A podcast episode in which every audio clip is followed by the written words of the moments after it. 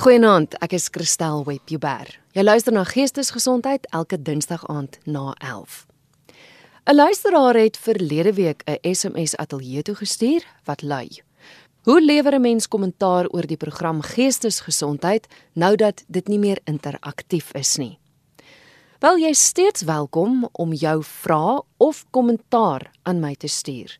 Dit gaan egter nou net nie meer regstreeks of onmiddellik beantwoord word nie. Jy kan jou vrae of kommentaar stuur na kristel@rsg.co.za. Sou jy nie 'n e-pos kan stuur nie, is jy steeds welkom om 'n SMS ateljee toe te stuur en Estie sal sorg dat dit by my uitkom.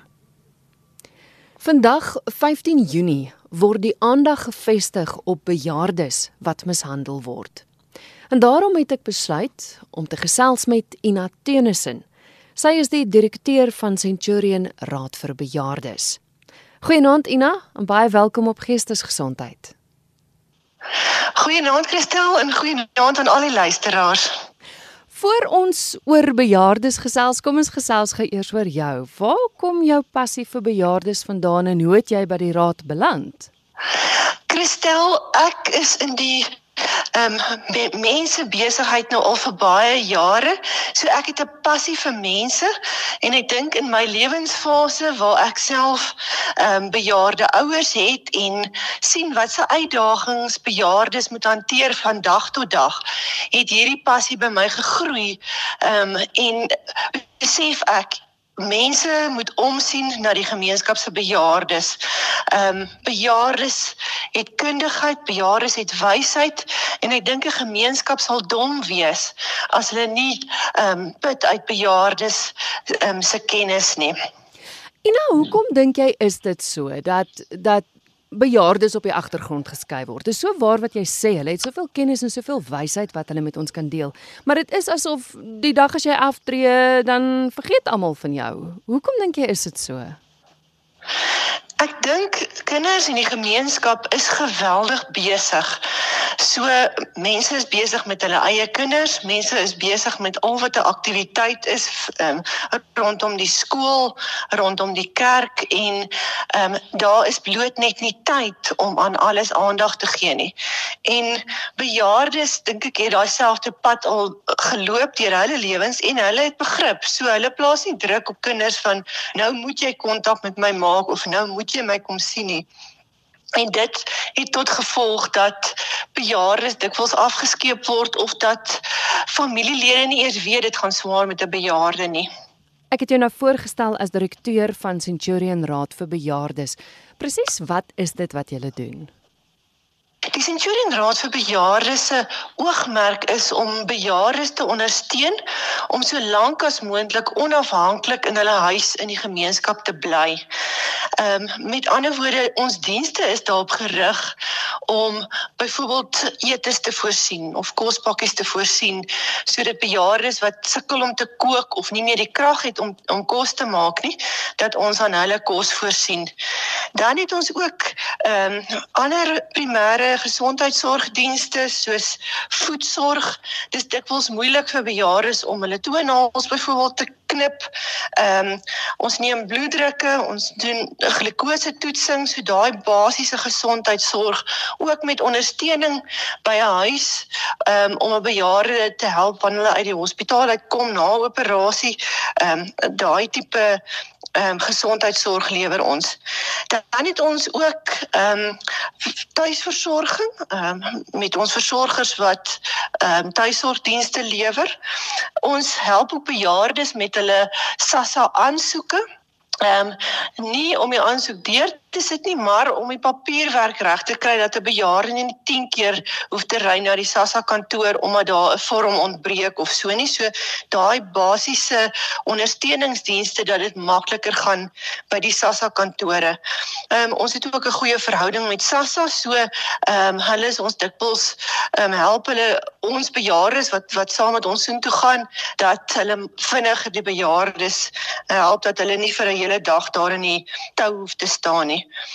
Dan het ons ook ons sekondêre dienste soos soos biblioteekdienste by ons verskillende takke.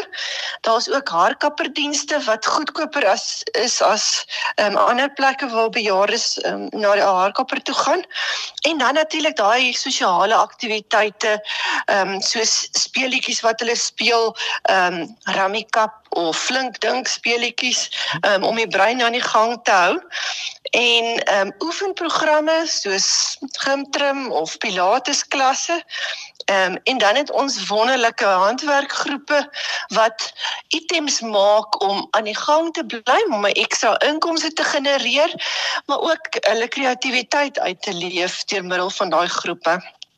En dan ek dink ehm, 'n um, groot deel van ons werk is ons psigososiale terapeutiese dienste en dis daai dienste waar ons se bejaarde ondersteun in die moeilike fase van waar hulle besef hulle kan nie meer onafhanklik in hulle huis bly nie. Daar moet byvoorbeeld kleiner gegaan word of daar moet verhuis word na die kinders toe of daar moet verhuis word na 'n plek waar daar meer versorging is. Daai is 'n baie baie moeilike proses um, vir bejaardes. So ons verskaf dan ook terapeutiese dienste om te help daarso. Is julle uit die aard van die saak seker net gefokus in Centurion? Is daar sulke rade in ander dele van die land? Daar's verskillende organisasies wat dienste aan bejaardes lewer. Daar's 'n Pretoria Raad vir Bejaardes ook. Ons is nou 'n Centurion Raad vir Bejaardes. Met ander woorde, ons lewer dienste in die Centurion area.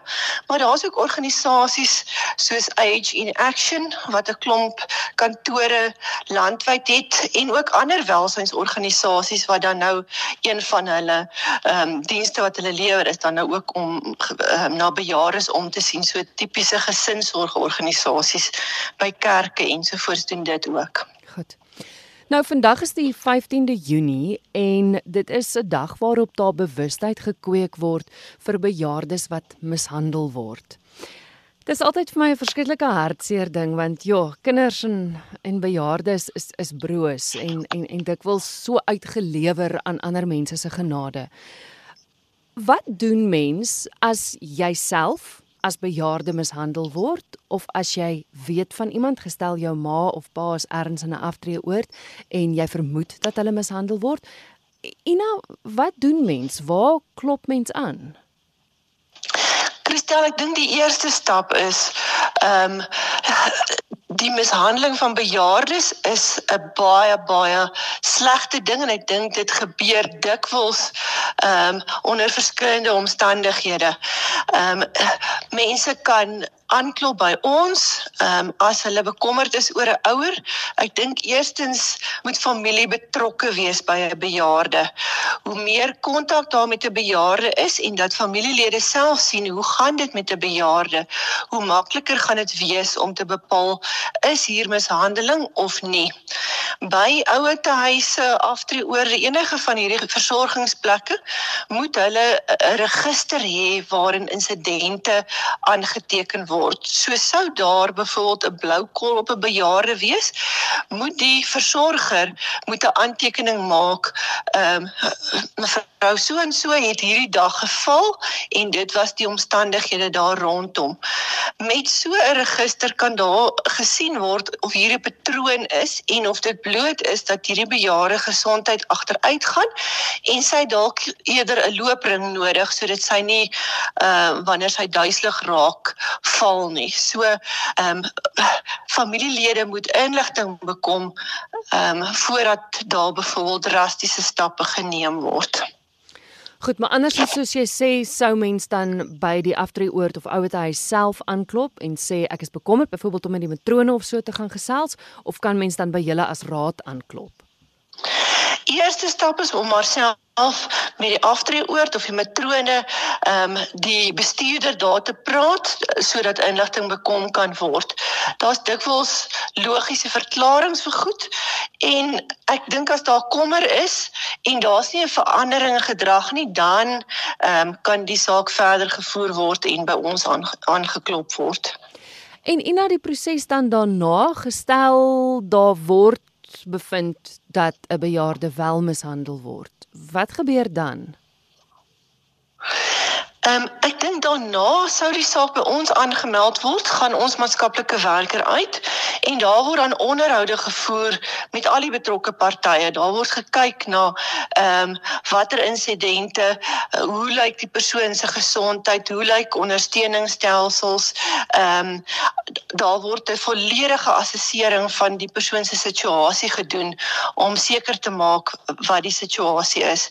Sou daar wel bevind word dat hier mishandeling mishandeling of bejaarde verwaarlosing plaasvind, dan word die saak um, aangemeld by die departement van maatskaplike ontwikkeling en hulle ondersoek dan verder die saak en ehm um, sou daar wel ehm um, gronde wees om verder te handel met die saak dan raak dit 'n hofsaak ehm um, waarin mense dan nou ook strafregtelik vervolg kan word.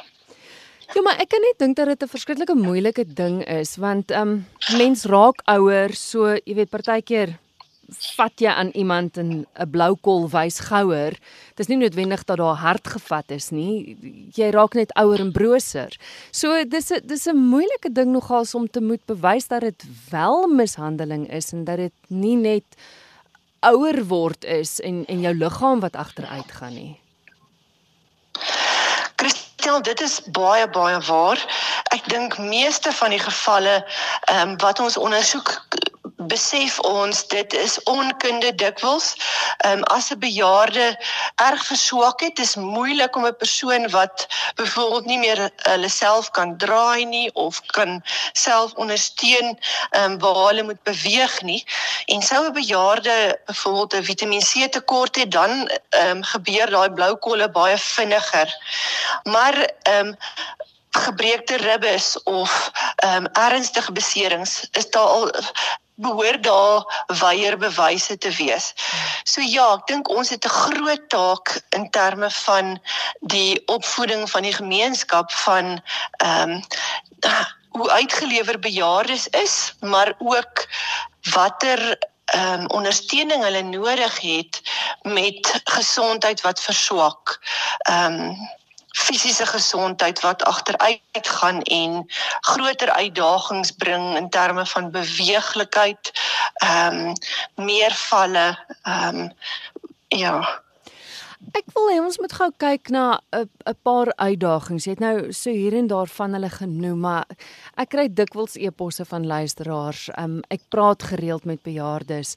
Ja, oud word is nie maklik nie. So so as ons gou kan kyk na na een of twee van die aspekte. Ons ons praat nou oor fisiese mishandeling, maar in my program kom ek agter dat daar dikwels baie meer emosionele mishandeling is. Dis korrek en en emosionele hele mishandeling sien 'n mens nie so maklik raak nie. Ehm um, en emosionele mishandeling is 'n is 'n moeilike ding om te bepaal ehm um, waar lê die grootste aandeel in die emosionele mishandeling. Ek dink daar's geweldige druk op gesinne vandag met baie mense wat hulle werk verloor het ehm um, met die COVID pandemie ehm um, wat meer spanning in 'n huis bring. En wanneer daar spanning is, is mens gesinslede meer ongeduldig met mekaar. Ehm um, ja, ehm um, ek dink dikwels uh, word bejaardes gehanteer asof hulle kinders is en hulle is nie kinders nie. Dit raak wel 'n uitdaging. Ehm um, dikwels mense oor 80 80 jarige ouderdom raak groter teikens vir emosionele mishandeling. Ehm um, en en ook finansiële mis, misbruik um, van hierdie bejaardes. Ehm um, omdat dit maklik moeiliker is vir hulle om nee te sê of hmm. selfhandhawend op te tree. Ehm um, ja. Ek het 'n e-pos van 'n luisteraar ontvang so rukkie terug wat sê my dogter het weer getrou met 'n man wat bipolêr is. In hakkie sê sy ook 'n narcis en sy het my uit die huis uit gesit as gevolg van hom. Ek mag ook nie meer my kleinkinders sien nie. Nou ek sit nou in 'n kamer en ek moet nou weer ander blyplek soek omdat die huur te hoog is. ek het net ouderdomspensioen. My dogter kontak my glad nie. Ek was by 'n maatskaplike werker, maar hulle kan my nie help nie omdat hulle fokus op kinders. Waar kan ek aanklop vir hulp? Asseblief help. Ek het geen ander familie nie. Wat sê mens vir so 'n luisteraar, Ina? Ek dink daar is geweldig baie bejaardes wat in in daai boot is. Ehm um, eintlik te veel bejaardes want daar is net nie genoeg hulpbronne nie. En met die ehm um, SASSA toelaag wat so min is, kan 'n bejaarde nie op daai toelaag staat maak nie. So wanneer 'n bejaarde nie meer kan betaal vir hulle verblyf nie, dan um, is dit die kinders se verantwoordelikheid om ook te ondersteun, ehm um, finansiëel ten einde daai bejaarde te kan help.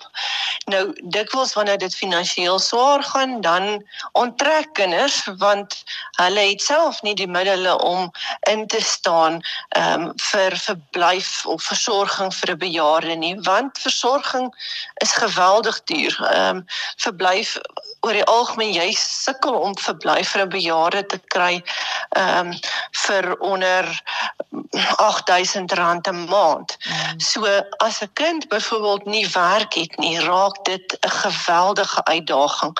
So daar is vreeslik baie bejaardes wat daai eh, in so 'n situasie is en daar is net nie hulpbronne in die gemeenskap om hulle te help nie. So die persoon se uitdaging is gebeur in so baie gevalle dat dit dit dit raak 'n gemeenskapsuitdaging. Ehm um, ja, ehm um, in enige gesin waar daar ehm um, geestesongesteldhede is, ehm um, raak dit 'n moeilike situasie vir al die gesinslede en nie net bloot die bejaarde nie. Ehm um, partykeer wil kinders goed vir hulle ouers wegsteek en is is daar dalk mishandeling in daai gesin en 'n kind wil net nie hê hulle ouer moet sien maar oor hier ehm um, hulle kry baie self baie swaar in hierdie gesin nie. Hmm die spesifieke bejaarde kan by ons kom aanklop as hulle in Centurion woonagtig is, anders kan hulle aanklop by die ehm um, Pretoria Raad vir bejaardes vir hulp dat ons die persoon kan verwys na hulpbronne wat daar in die gemeenskap is, ehm um, wat 'n ekstra myl loop vir bejaardes. Sy sê nou ook dat sy nie toegang tot haar kleinkinders het nie en dis ook iets wat dikwels op geestesgesondheid gesê word deur van die luisteraars. Ek kry geweldig baie e-posse van mense wat sê ek is afgeskryf deur my dogter. Um ek is weer getroud, sy was nie gelukkig daarmee nie. Nou praat sy nie met my nie. Daai hele ding van afskryf van ek wil nou net niks meer met jou te doen hê nie. Ek het geen kontak met jou nie. Jy mag nie jou kleinkinders sien nie. Dis nogals iets wat dikwels gebeur kom ek agter. Dit gebeur dikwels en ek dink mense moet na elke ehm um, geval individueel gaan kyk van waar kom dit vandaan? Wat is die omstandighede? Ehm um, soms sien ons ehm um, gevalle dat as 'n kind self ehm um, nie goed behandel is nie, dan leer daardie kind nie wat is 'n uh, ouers se verantwoordelikheid la in die later lewe ten opsigte van hulle eie ouers nie. So ehm um, dit begin eintlik al by 'n baie jong ouderdom dat kinders geleer moet word ehm um, dat bejaardes in 'n gemeenskap belangrik is en dat ons almal 'n verantwoordelikheid het om na ons bejaarde ouers of bejaardes oor die algemeen in die gemeenskap om te sien. Ehm um, ja, so so ehm um, dis 'n wye uitdaging in die gemeenskap wat ons almal aan moet werk om om bejaardes te kan ondersteun. As 'n bejaarde weerhou word om kontak te hê met kleinkinders en dit, dit is inderdaad so daar is dikwels wat bejaardes ehm um, vereensaam en glad nie kontak het met kinders of kleinkinders nie. Ehm um, dis 'n moeilike ding veral daar waar kinders oor see is of dikwels wanneer bejaardes ehm um, begin verswak, ehm um, het kinders goeie intensies en kyk goed na 'n bejaarde en gee vir die ouer byvoorbeeld 'n nuwe selfoon. Maar dan is is daar nie iemand in die omgewing wat hierdie bejaarde kan help om gewoon te raak aan die nuwe selfoon nie. En dan antwoord sukkel hulle om die foon te antwoord en later raak kinders net ehm um, wat baie besig is dalk net moeg of moedeloos om te probeer bel en dis hoe vereensaming dikwels gebeur uit 'n uit 'n goeie gedagte wat iemand iets goeds vir 'n ouer wil doen maar die ehm um, aanpassing by tegnologie is, is is nie altyd daar of selfs die finansies om ehm um, data te kan aankoop of, of so aan aan die bejaarde se kant nie. Hmm. Kom ons kyk gaan na COVID-19. Jy het dit vroeër ook genoem kan jy agterkom in in julle raad dat dit 'n geweldige impak gehad het veral op die bejaardes? O ja, ons het ehm um, ons ons het daagliks oproepe gekry van bejaardes en en ons praat van bejaardes reg oor die land wat op 'n stadium gekom het waar hulle desperaat was om kontak met familie en kinders te kan hê. Ehm um, ek dink baie van die ouer huise aftreeoorde se bestuur het 'n taak en 'n verantwoordelikheid gehad om om te sien na die veiligheid van bejaardes. Ehm um, en het streng maatreëls toegepas rakende wanneer 'n bejaarde uitgaan dat hulle in afsondering moet wees vir 'n tydperk of dat hulle ehm um, nie kontak met familie mag hê ten einde al die bejaardes te kan beskerm nie by verskeie plekke het ehm um, ek dink soos ons almal maar beleef het in die land die konsekwente toepas van van reëls en ehm um, is met so 'n groot nuwe ding wat niemand van ons al voorheen beleef het nie 'n uitdaging vir enige instansie se bestuur ehm um, om dit toe te pas. So bejaardes het geïsoleerd gevoel met die oproepe het ons um, dikwels gesien dat bejaardes is so desperaat om kontak met familie en vriende te kan hê dat hulle eh, het net vir ons gesê weet jy wat ons gee nie meer om as ons die virus kry nie hmm. ons wil net kontak met ons familie hê so wat ons dikwels gesien het is ehm um, ek dink die bejaarde wat ehm um, nie bagasie het nie wat ehm um, uitdagings in hulle lewe uitgestryk het in rustigheid in in hulle het. Hulle het 'n groter behoefte aan familie familiekontak gehad as om veilig te wees en toegesluit te wees.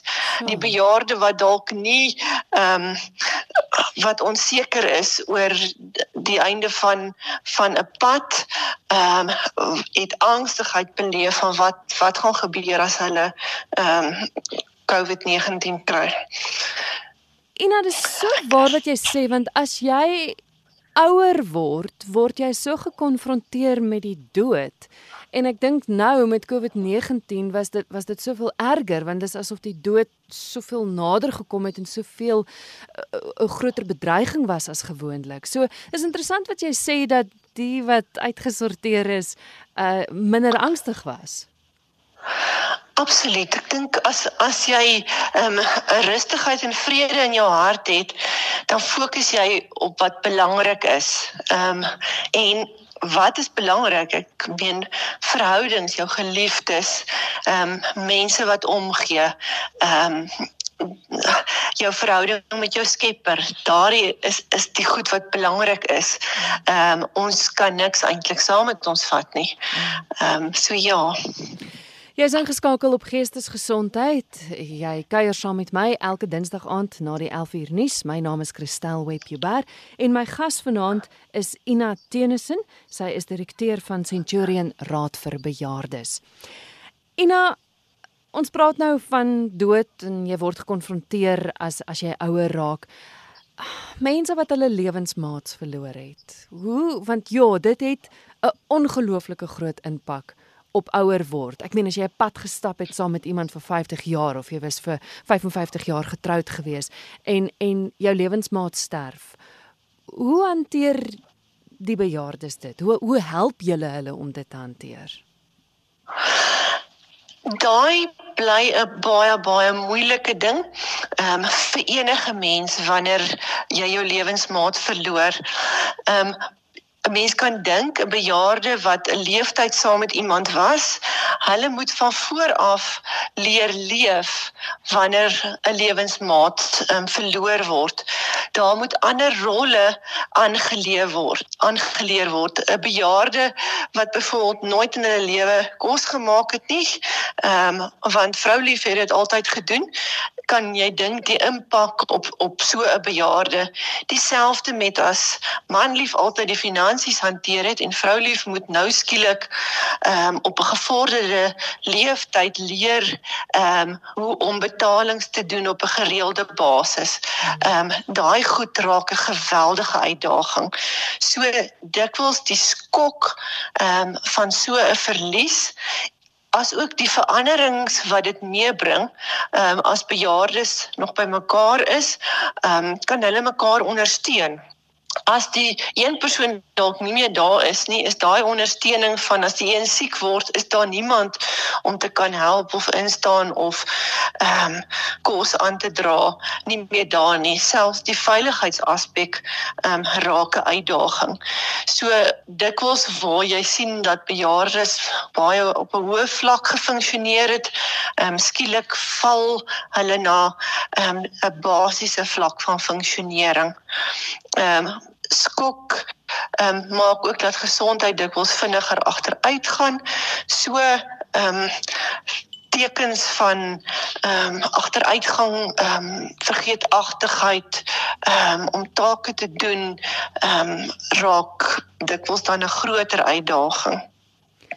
Jy het nou vroeër genoem van kinders wat vir hulle ouers besluit en dikwels ouers behandel asof hulle nou kinders is en nie meer self besluite kan neem nie. Op watter punt moet kinders ingryp? Daai is 'n is 'n moeilike moeilike proses en ek dink as kinders ehm um, gereeld by hulle ouers betrokke is, is dit 'n makliker ehm um, proses makliker vir die bejaardes sowel as vir die kinders. Ehm um, met so 'n proses ehm um, 'n bejaarde moet stelselmatig gewoond raak dat dit raak byvoorbeeld ehm um, gevaarliker vir hulle om ver afstande alleen te ry of gevaarlik hulle raak groter teikens vir mense wat hulle finansiëel wil misbruik. Ehm um, so kinders kom dikwels eers agter dat hier tekens van demensie is as bejaardes groot bedrae geld op goed spandeer wat hulle normaalweg nooit gedoen het nie. En dis dikwels dan nou ook op 'n laat stadium wat kinders besef, o, gits, ehm um, hier is nou groot probleme. Ons moet nou ingryp en plan maak om na die veiligheid van ons ouers om te sien of ehm um, in te tree en te help met die finansies. Omdat bejaardes so broos is om ek wil amper sê almal te wil help, kan hulle baie maklik uit uh, hulle geld uit misbruik word. Dit voel vir my daar moet eh, van die kant van die bejaarde af ook 'n verantwoordelikheid wees. En, en ek hoop nou nie bejaardes raak vir my kwaad nie. Ek is baie lief vir almal van julle. Ek het 'n baie sagte plek vir ouer mense. Maar soms voel dit vir my asof hulle skuil agter die feit dat hulle ouer word. Ek weet nie of my vraag nou sin maak nie, maar ek dink byvoorbeeld aan iets soos om op te hou bestuur daar moet tog 'n verantwoordelikheid van die bejaarde af wees om te besef maar goed, ek kan dit nou nie meer doen nie. En kyk, is 'n moeilike ding om te laat gaan, maar stem jy ja. saam dat daar 'n 'n mate van verantwoordelikheid moet wees? Ek stem volkome saam en ek dink ehm um, met betrokkenheid kan 'n mens agterkom iemand gaan agteruit. Daar moet vroegtydig gesprekke tussen die ouers en die kinders wees dat op watter stadium gaan gaan ons vir mekaar sê ehm um, die bejaarde kan nie meer ry nie. Op watter stadium gaan ons vir mekaar sê ehm um, die die kinders gaan begin help met die banksaake. Ehm um, so ja, dit is definitief ehm um, nodig dat wat bejaardes ook vroegtydig vir hulle kinders sê as wat gebeur, dan gaan ons toelaat dat jy my ondersteun. En en met dit sê niemand vir mekaar hierdie bejaardes nie in staat nie. Hierdie bejaarde um, het nog steeds die reg om te kan sê ek wil graag my geld op XYZ spandeer. Maar die ondersteuning om te help um, ten einde die bejaarde te beveilig is absoluut noodsaaklik. En ja, ehm um, bejaardes ehm um, kan kan vaskop en sê maar ehm um, ek wil ek gaan nie beheer hierso laat gaan of my vryheid laat gaan om te sê ehm um, ek gaan aanhou bestuur. Ehm um, en dikwels besef hulle nie wat doen hulle aan hulle kinders in terme van bekommernis nie. Ehm um, kinders kan geweldig bekommerd raak oor bejaardes as hulle besef maar my ouer mag dalk nie die huis kry nie of my ouer is 'n sagte teiken daar in die gemeenskap ehm um, dat iemand die motor kan vat en hulle aanrand. Ehm um, ook raak dit die kinders se verantwoordelikheid as 'n ouer nie meer ehm um, kan betaal vir hulle eie onderhoud nie, dan raak dit die verantwoordelikheid van die kinders. En ehm um, dit maak kinders gespanne dat hulle dalk drasties optree en begin vir die bejaarde ehm um, net sê dit sal nou so gebeur wat konflik teweegbring. Ja, ek dink altyd, joh, dis 'n as jy agter 'n stuurwiel inklim, dis 'n groot verantwoordelikheid want as jy nie meer kan bestuur nie en jy is die oorsaak van iemand anders se dood as gevolg van 'n ongeluk wat jy veroorsaak het. Jo, ek dink net dis sulke onnodige emosionele stres en en en bagasie wat jy vir jouself veroorsaak. Maar daarmee saam wil ek sê ek weet hoe ongelooflik moeilik dit is om te laat gaan. En ek dink om ouer te word is 'n konstante proses van verlies want dis nie net eers jou werk waarvan jy moet afstand doen nie, dis 'n groter huis waarvan jy moet afstand ja. doen. Dit is so dis dis eintlik 'n 'n konstante oorgee en sê goed, ek is nou aan die eindes van van dinge in my lewe en dis moeilik. Dit is moeilik want want ek dink ons almal ehm um, word groot met die idee ons wil groei, ons wil groter gaan, ons wil meer gaan, ons wil vorder ehm um, in die samelewing.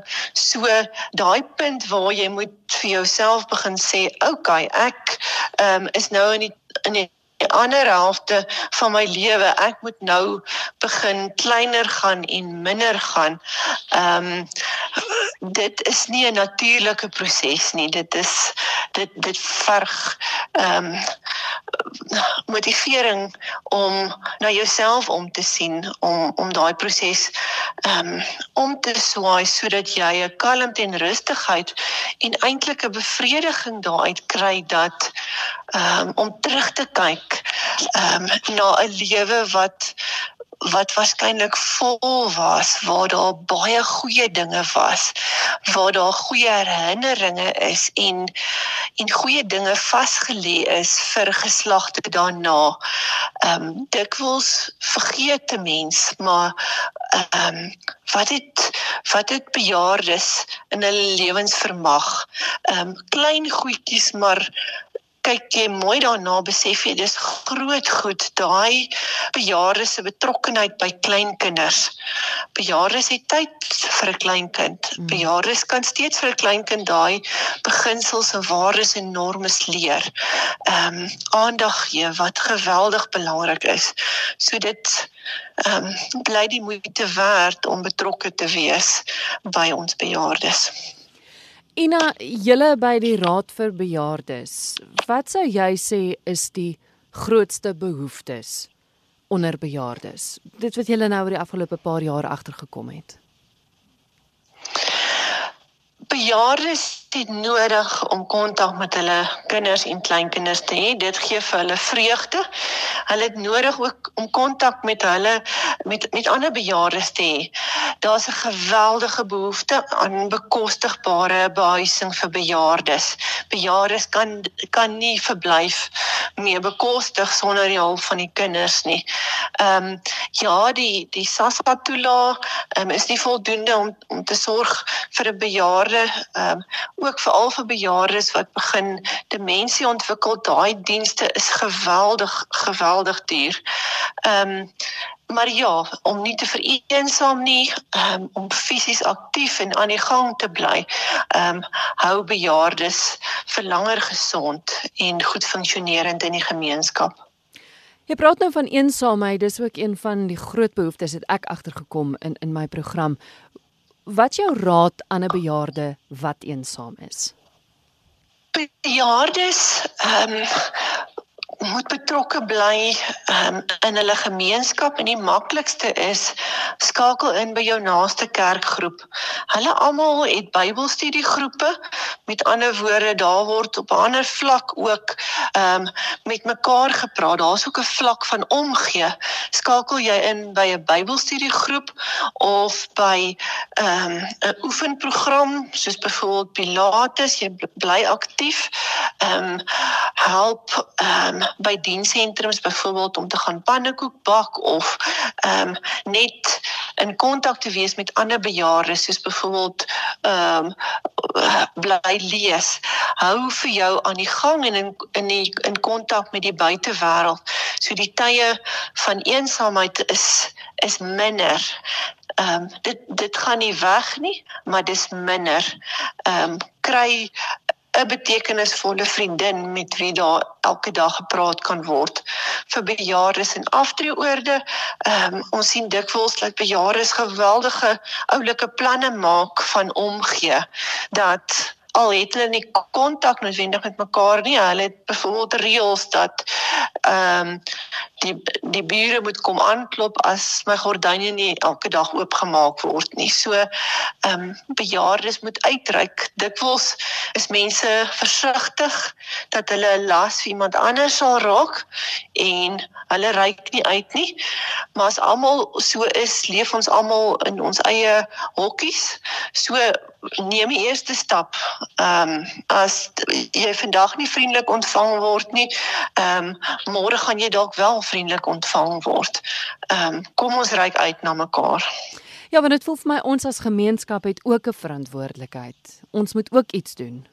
Absoluut. Ek dink daar's ehm um, verskillende kultuurgroepe wat daadwerklike ehm um, pogings aanwend om ehm um, ek wil amper sê hulle kinders te leer dat 'n samelewing het 'n plig teenoor hulle bejaardes. So begin hulle werk, dan moet hulle 'n persentasie van hulle inkomste ehm um, vir ehm um, die bejaarde of hulle grootouer gee.